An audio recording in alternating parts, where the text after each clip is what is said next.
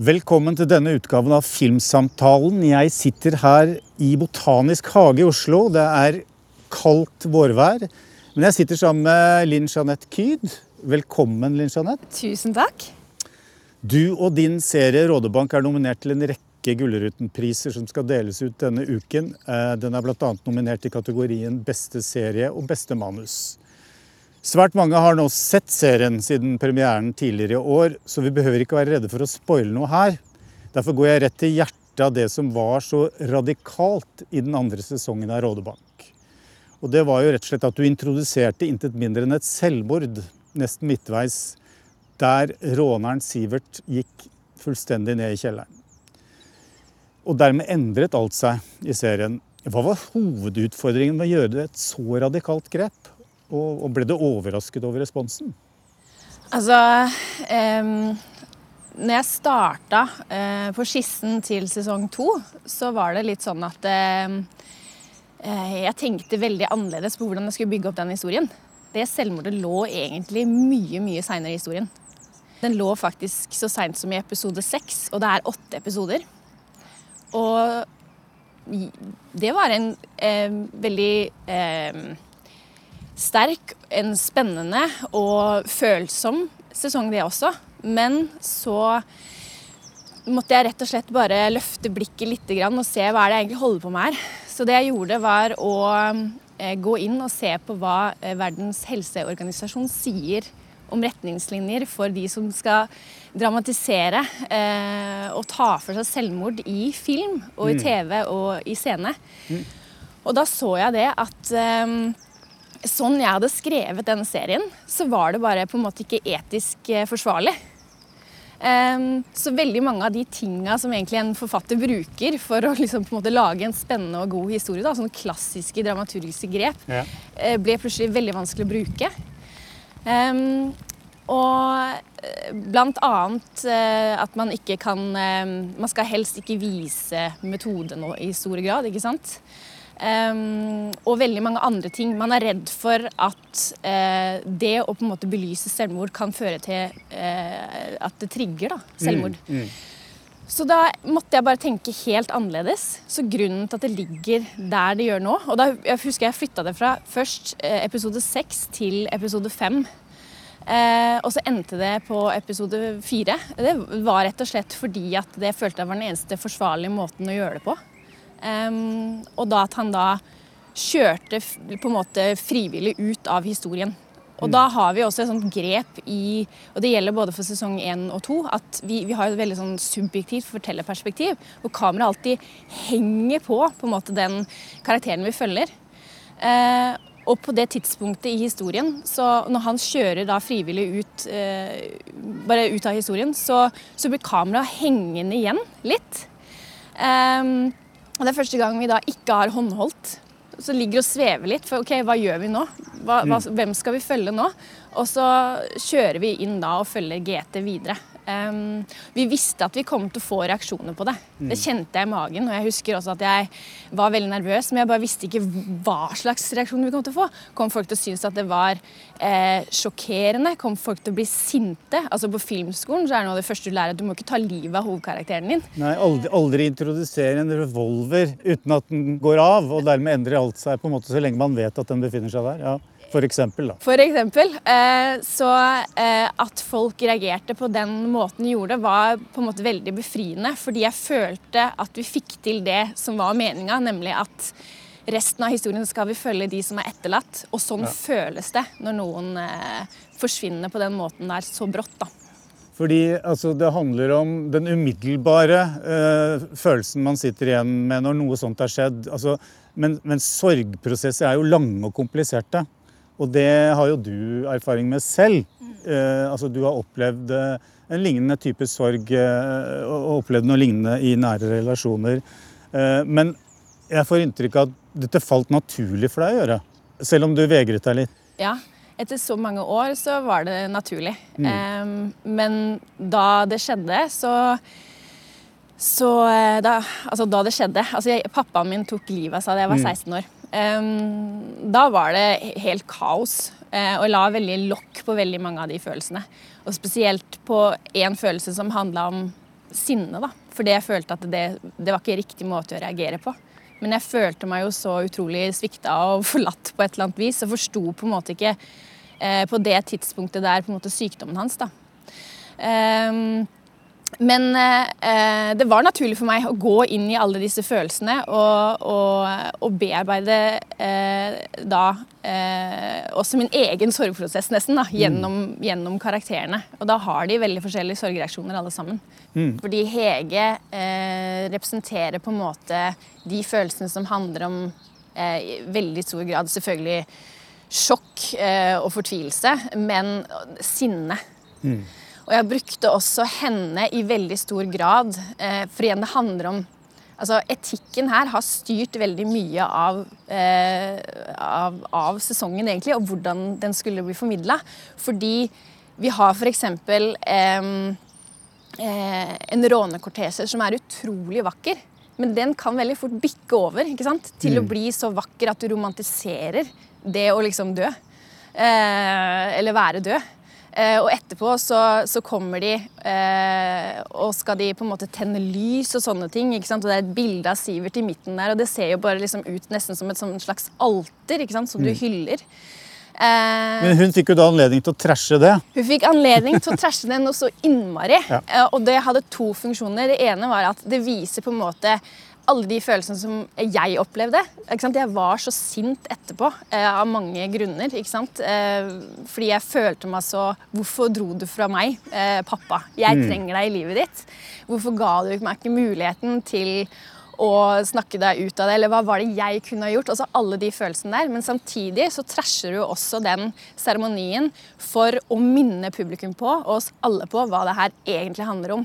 Mm. Eh, og at eh, det er ikke liksom vakkert og romantisk og flott å være død og forsvinne ut på den måten. Og det fins alltid eh, en løsning der ute, da. Eh, og dette er ikke den løsningen. Eh, skuespillerne har fått mye skryt uh, i serien. Uh, og etter første sesongen så var det selvfølgelig umulig å forestille seg den videre handlingen uten disse skuespillerne. Og kunne du si litt om, sånn, Det er jo ofte sånn at skuespillerne hjelper jo serieskaperne og forfatterne videre på veien ved å på en måte ha, ha gitt sin versjon av, av, karakterene. Og Hvordan har de skuespillerne påvirket deg videre? Har dere gjort det lettere og skrive videre på andre sesongen og nå tredje sesongen? Ja, det vil jeg si absolutt. Fordi at eh, jeg, som alle andre, ble litt sånn blown away av de prestasjonene. Altså, de er, de er jo bare altså, helt rå, den gjengen der. Mm. Eh, og det gjorde meg veldig trygg i når jeg skulle gå inn og skrive eh, både dialog og scener som kanskje er litt sånn derre Det er malt med litt sånn brei pensel, og de skal si ganske sånne svære ting som kan mm. føles ganske tjukt i munnen på egentlig hvem som helst. Men jeg bare visste da, etter, spesielt etter sesong én, da, at det her kommer til å, til å, gå fint. Så jeg turte å skrive eh, på en måte det jeg hadde på hjertet, for jeg visste at de ville kunne klare å håndtere det. da. Så det ga meg en sånn trygghet i at jeg turte liksom, å gi litt ekstra også. Mm. Men, men uh, tilbake til noe av det mest kompliserte. Da. Det å skildre sorg. Det å finne situasjoner uh, som er troverdige osv. Du snakket jo innledningsvis om det. altså Hvordan du har på en måte støttet deg på, på eksperter etc. Men når det kommer til stykket, så er det på en måte din, din dikteriske frihet og din, din, din dikteris, dine dikteriske evner som avgjør. Uh, og jeg synes at det er mange fine scener der som er på en måte mer antydende enn eksplisitte. Og, og, det er vel kanskje de som fungerer best ofte når det gjelder sånne ting. Altså, Sorg er jo ikke noe som bare utpassioneres. Nei, jeg husker en sånn veldig rar sånn hendelse fra liksom, da pappa døde. For det var liksom han var jo på en måte også i en litt annen kategori enn det vi skildrer i Rådebank. Fordi han, var, han hadde en diagnose, han var psykisk syk. Mens det vi på en måte prøver å si noe om i sesong to, er, er å fange opp og vise at noen ganger så er det Eh, statistikken viser jo det at eh, det, det, ikke alltid bare er de som er psykisk syke, som ender opp med å ta livet sitt. Eh, vi har sett nå at eh, det er jo seks unge menn som tar livet av seg i snitt i måneden i Norge. Det er tall som har holdt seg stabile veldig lenge. Eh, og av de igjen så har de sett at eh, så mange som 40% ikke har, har vært innom psykiatrien eller hatt en diagnose. ikke sant? Bare sånn at det var litt forskjell. Men i hvert fall uansett, så Da pappa døde, så selv om han hadde hatt et, eh, et selvmordsforsøk tidligere, så kom det som et sjokk på meg. Og jeg klarte ikke å håndtere det der og da. Det ble for mye for meg. Og jeg, da var jeg 16 år, og jeg, jeg skulle egentlig arve bilen hans. Det var liksom bestemt Jeg skulle arve bilen hans når, han, når jeg ble 18 år. Eh, Det var en eh, Toyota Carina 83-modell, rustrød. Eh, og så plutselig fikk jeg den når jeg var 16, da. Fordi han hadde liksom dratt fra meg. Ehm, og i den så var det en eh, notisblokk som var festa på dashbordet, som var lokt. Og så hadde pappa sagt til meg en gang at um, du jo at det kan hende at jeg plutselig en dag bare stikker en tur til Mexico. Helt sånn uh, Jeg vet ikke hva han tenkte han skulle gjøre der, men det var liksom noe han drev og sa og tulla med. på en måte. Uh, så jeg bare forestilte meg Jeg hadde veldig behov for å tenke at han hadde dratt til Mexico. Og i den blokka som var lokka på dashbordet inni den bilen, så sto det 'Jeg har tatt meg en tur til Mexico'. Og det er jo helt tullete når jeg sitter og forteller om det nå. at jeg lagde Det er nesten som i en film. Ja, Ja. Det, er, det er bare en sånn rar, tullete fantasi.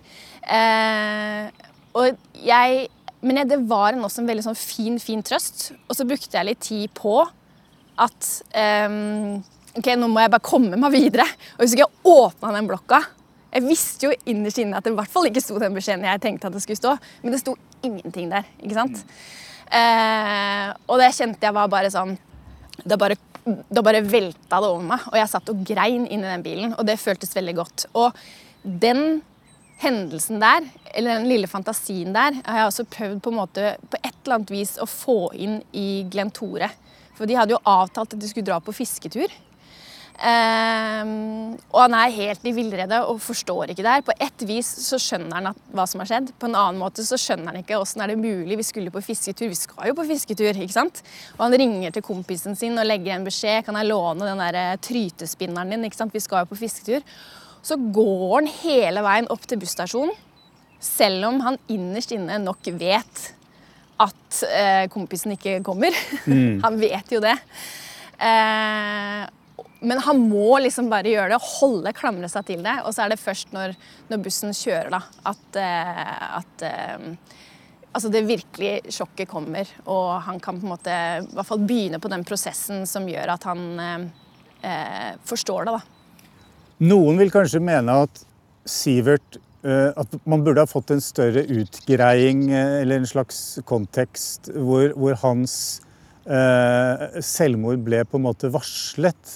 Men, men, eh, men det er det ikke sånn da i, i mange av disse tilfellene at det kommer som lyn fra klar himmel eh, for mange. Altså, og og det, er, det er gutter i en viss alder som, gjør at, altså, som innebærer at de hadde, de hadde de på en måte Altså, de er ikke i stand til å se for seg at, at det er en lysning. Men i enkelte tilfeller altså Hadde noen kanskje vært der og tatt en samtale med dem, så kunne de kanskje ha sett den lysningen. Det er jo ofte, altså det er jo så banalt noen ganger. Det er dessverre det. Eh, og jeg tenker at der har man en lang vei å gå. Altså, altså igjen tilbake til den forskningen som viser bare altså Konklusjonen på det var at disse unge mennene i veldig stor grad bare ikke mestra det å føle seg sårbar. Altså det handla om, eh, og det høres banalt ut, men det handla om sånne ting som at det hadde blitt slutt med kjæresten. Eller at kona hadde gått fra deg. Eller at man opplevde motgang på jobb eller, eller skole. da. Ehm, og det er jo klart da at ehm, eh, for oss var det bare veldig veldig viktig å sette fokus på det. Og det var jo også det vi gjorde med sesong én. Altså, jeg mener jo at sesong én er like viktig som sesong to, selv om den oppleves eh, sikkert veldig sjokkerende, og vi viser ytterste konsekvens av det å ikke snakke om, om følelser. Men altså kjærlighetssorg Altså de tallene når jeg sier at seks unge menn tar livet av seg i måneden i Norge i snitt, det er, eh, det er en del kjærlighetssorg som på en måte ikke har vært eh, håndtert på riktig måte. Da. Eh, så det var veldig viktig for oss å på en måte bruke en hel sesong på det. Og tørre å bare Det er dette vi skal fortelle, og ta det på alvor. Og vise da på en måte at dette er noe alle går igjennom. Vi starter jo da med Glenn Tore, som på en måte i utgangspunktet bare ikke har redskaper til å kunne snakke om disse følelsene sine i det hele tatt. Og så blir han satt på prøve. Han gjør så mange dumme ting ikke sant? Eh, som man ofte gjør når man er desperat og man prøver å få kjæresten tilbake, og han tror at den eneste løsningen for han er å få den drømmedama tilbake igjen. ikke sant? Til så går det så gærent at eh, Og det kunne gått mye verre også. Han, han fyllekjører jo og, og krasjer. Han kunne ha drept noen på veien, han kunne ha skada seg sjøl i mye, mye, større grad. Eh, og så blir han konfrontert av Sivert i første sesong, som sier sånn Hvorfor har du ikke sagt noe til meg om det her? Hvorfor har du ikke snakka om det? Eh, jeg er jo her, jeg er bestekompisen, jeg føler meg dum, jeg vet jo Jeg visste ikke, visste ikke om dette. Og i den scenen så eh, fortsetter egentlig GT å ikke snakke om det. Og så er det en ny scene hvor, hvor Sivert igjen eh, forsøker å, å, si sånn Å nå inn til han og prøver så godt han kan på sin måte å snakke om dette her og gi han noen råd. Mm. Men GT ender jo selvfølgelig opp i denne sesongen med å sette ord på det, og han får letta på trykket. Men han gjør det ikke med Sivert. Han gjør det egentlig ikke med bestekompisen sin. Han gjør det med sjefen og eh, eh, noen av de andre vennene sine.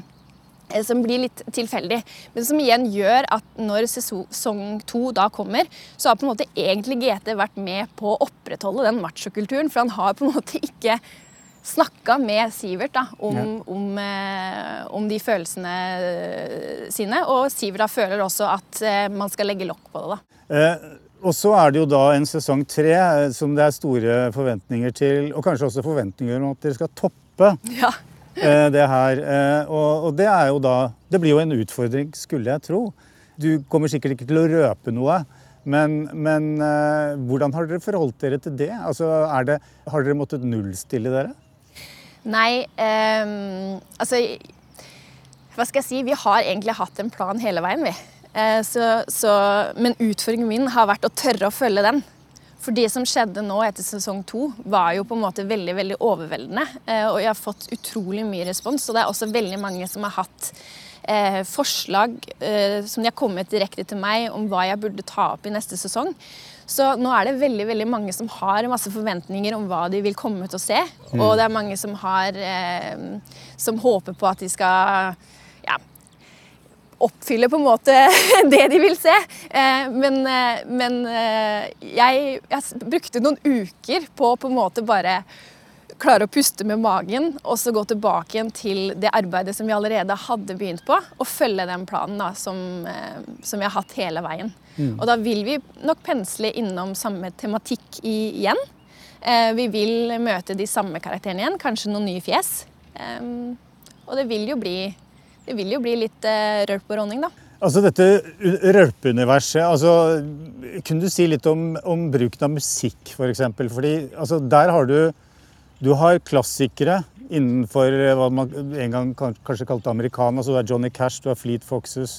Og så har du røl, sånn ordentlig rølpemusikk. Mm som det kalles. Mm. Det, er ikke, det, er ikke, nedlatende å kalle det engang, tror jeg. Nei, nei, nei. absolutt ikke. Altså, hvordan, hvordan, har dere dette, må, dette, har dere på en måte diskutert på forhånd og, og tenkt litt over, skulle jeg tro. Mm. Eh, hvordan det skulle på en måte gjenspeile altså rølpes, Rølpemusikken skal gjenspeile altså rølpen, som jo på en måte er et uttrykk for eh, altså livsglede, selvfølgelig. Det er jo det det er. Mm. Selv om noe av det er litt av, litt av det mørkere slaget.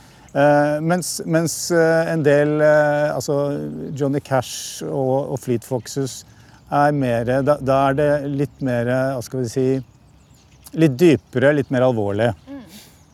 Men, men musikken er veldig viktig. Mm, den er sykt viktig. Og den er også veldig, veldig viktig i rånemiljøet. Altså, mm. de, sitter, altså, de sitter og hører på musikk. De, de, spiller musikk når de er ute og kjører. Altså, de hører på musikk når de jobber.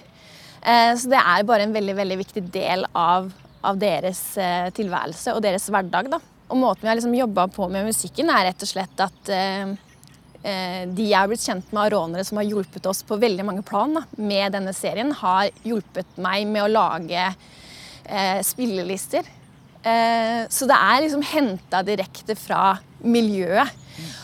Og eh, det at vi plutselig spiller Johnny Cash, er ikke noe vi har kommet på liksom, for at vi skal liksom, ha en balansegang mellom rølp og noe og prøve å være litt mer alvorlig. Det er at de også hører på det. Vi har veldig brei musikksmak. Jeg tror at det var noe av det første de spilte på oss, var en, eh, for oss var en sånn Johnny Cash-låt. Vi, vi sto utafor Hesse, og så sa vi bare sånn her OK, sett på noe kul musikk, da. Så vrengte de det opp, ikke sant. Eh, nei, så, men vi har brukt mye tid på det. Uh, og der må jeg også bare, må jeg bare virkelig si at der har Daniel Fare gjort en fantastisk jobb. Mm. Uh, fordi han har virkelig, virkelig dykka inn i dette her, og så eh, funnet et fantastisk kult eh, lydbilde med musikken, da, som jeg syns er veldig fint balansert. Vi bestemte oss veldig tidlig for når vi skulle lage Rådebank, at eh, vi må ha noen kjøreregler. Hvordan er det vi skal lage denne Altså det er lavbudsjett de luxe, ikke sant. Så hvordan skal vi lage dette her? Og da eh, husker jeg at eh, en av de kjørereglene var at musikk kan brukes til å forsterke indre følelser, og sangtekster kan benyttes til å sette ord på det karakterene ikke klarer å uttrykke selv ennå. Og det er noe som på en måte vi virkelig eh, jeg vil si at Vi har malt med skikkelig brei pensel innimellom på Rådebank, og det er vi stolte av. Eh, og jeg tror på en måte tanken bak det var at vi lager en serie hvor vi skal prøve å få folk til å tørre å snakke om følelser. Da skal søren meg vi også på en måte bare si det rett ut, altså. Mm, Ja. mm. Du nevnte Daniel Fare. Eh, Kan du si litt om altså du, du er jo serieskaper. eh, Men hvordan definerer du da serieskaperrollen i forhold til Rådebank? Er, altså du, du har da overoppsynet. Du er den allmektige mor som da har overoppsyn med hele universet og passer på at ting at det, at det ser troverdig ut, og at det ikke blir noe avvik fra, fra planen. Eh, Kan du bare utdype det litt? Grann? Altså, Ja, Som selskapet så sier jeg at jeg er den kunstneriske lederen, men samtidig så er det jo på en måte Daniel som er Han er jo også det. Eh, han er jo den kunstneriske le lederen i forhold til alt som har med alle andre fagfunksjoner å gjøre. Det er jo han som gjør regi, ikke jeg. Men det vi har gjort er på en måte at når det kommer til leseprøver og sånne ting, så, så, så filmer han alt. Jeg er ikke fysisk til stede, men jeg kan se det etterpå. Og hvis det skulle oppstå noen uenigheter, enten at det er liksom litt feil temperatur i en scene, eller at man har misforstått på en måte scenen og viljer og sånne ting, så kan jeg og Daniel ta en diskusjon på det og bli enige. Og så er det han som tar det videre til skuespillerne, ikke jeg. Og samme er det også når vi er på sett. Altså, hvis jeg er på sett, så er det fordi at jeg syns det er gøy å være på sett. Eh, Jeg blander meg ikke inn på noe som helst måte, men jeg ser dailies etterpå. Og hvis det er noe der som på en måte skurrer eller blir feil, så kan jeg heller ta det opp på en måte igjen da, med, med, res, med, regi og produsent.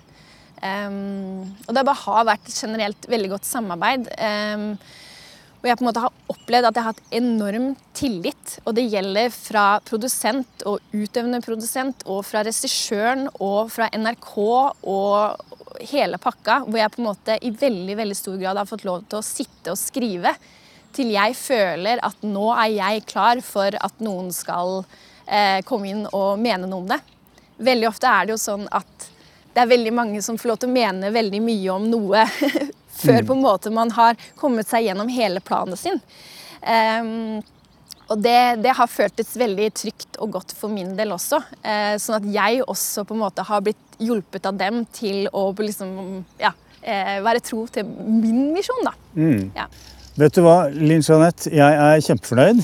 Vi har sittet her i Botanisk hage, og det har regnet bitte litt, og fuglene Helikopter og Ja. ja. Men eh, nå har vi kommet til veis ende, eh, så takk for at du ble med hit.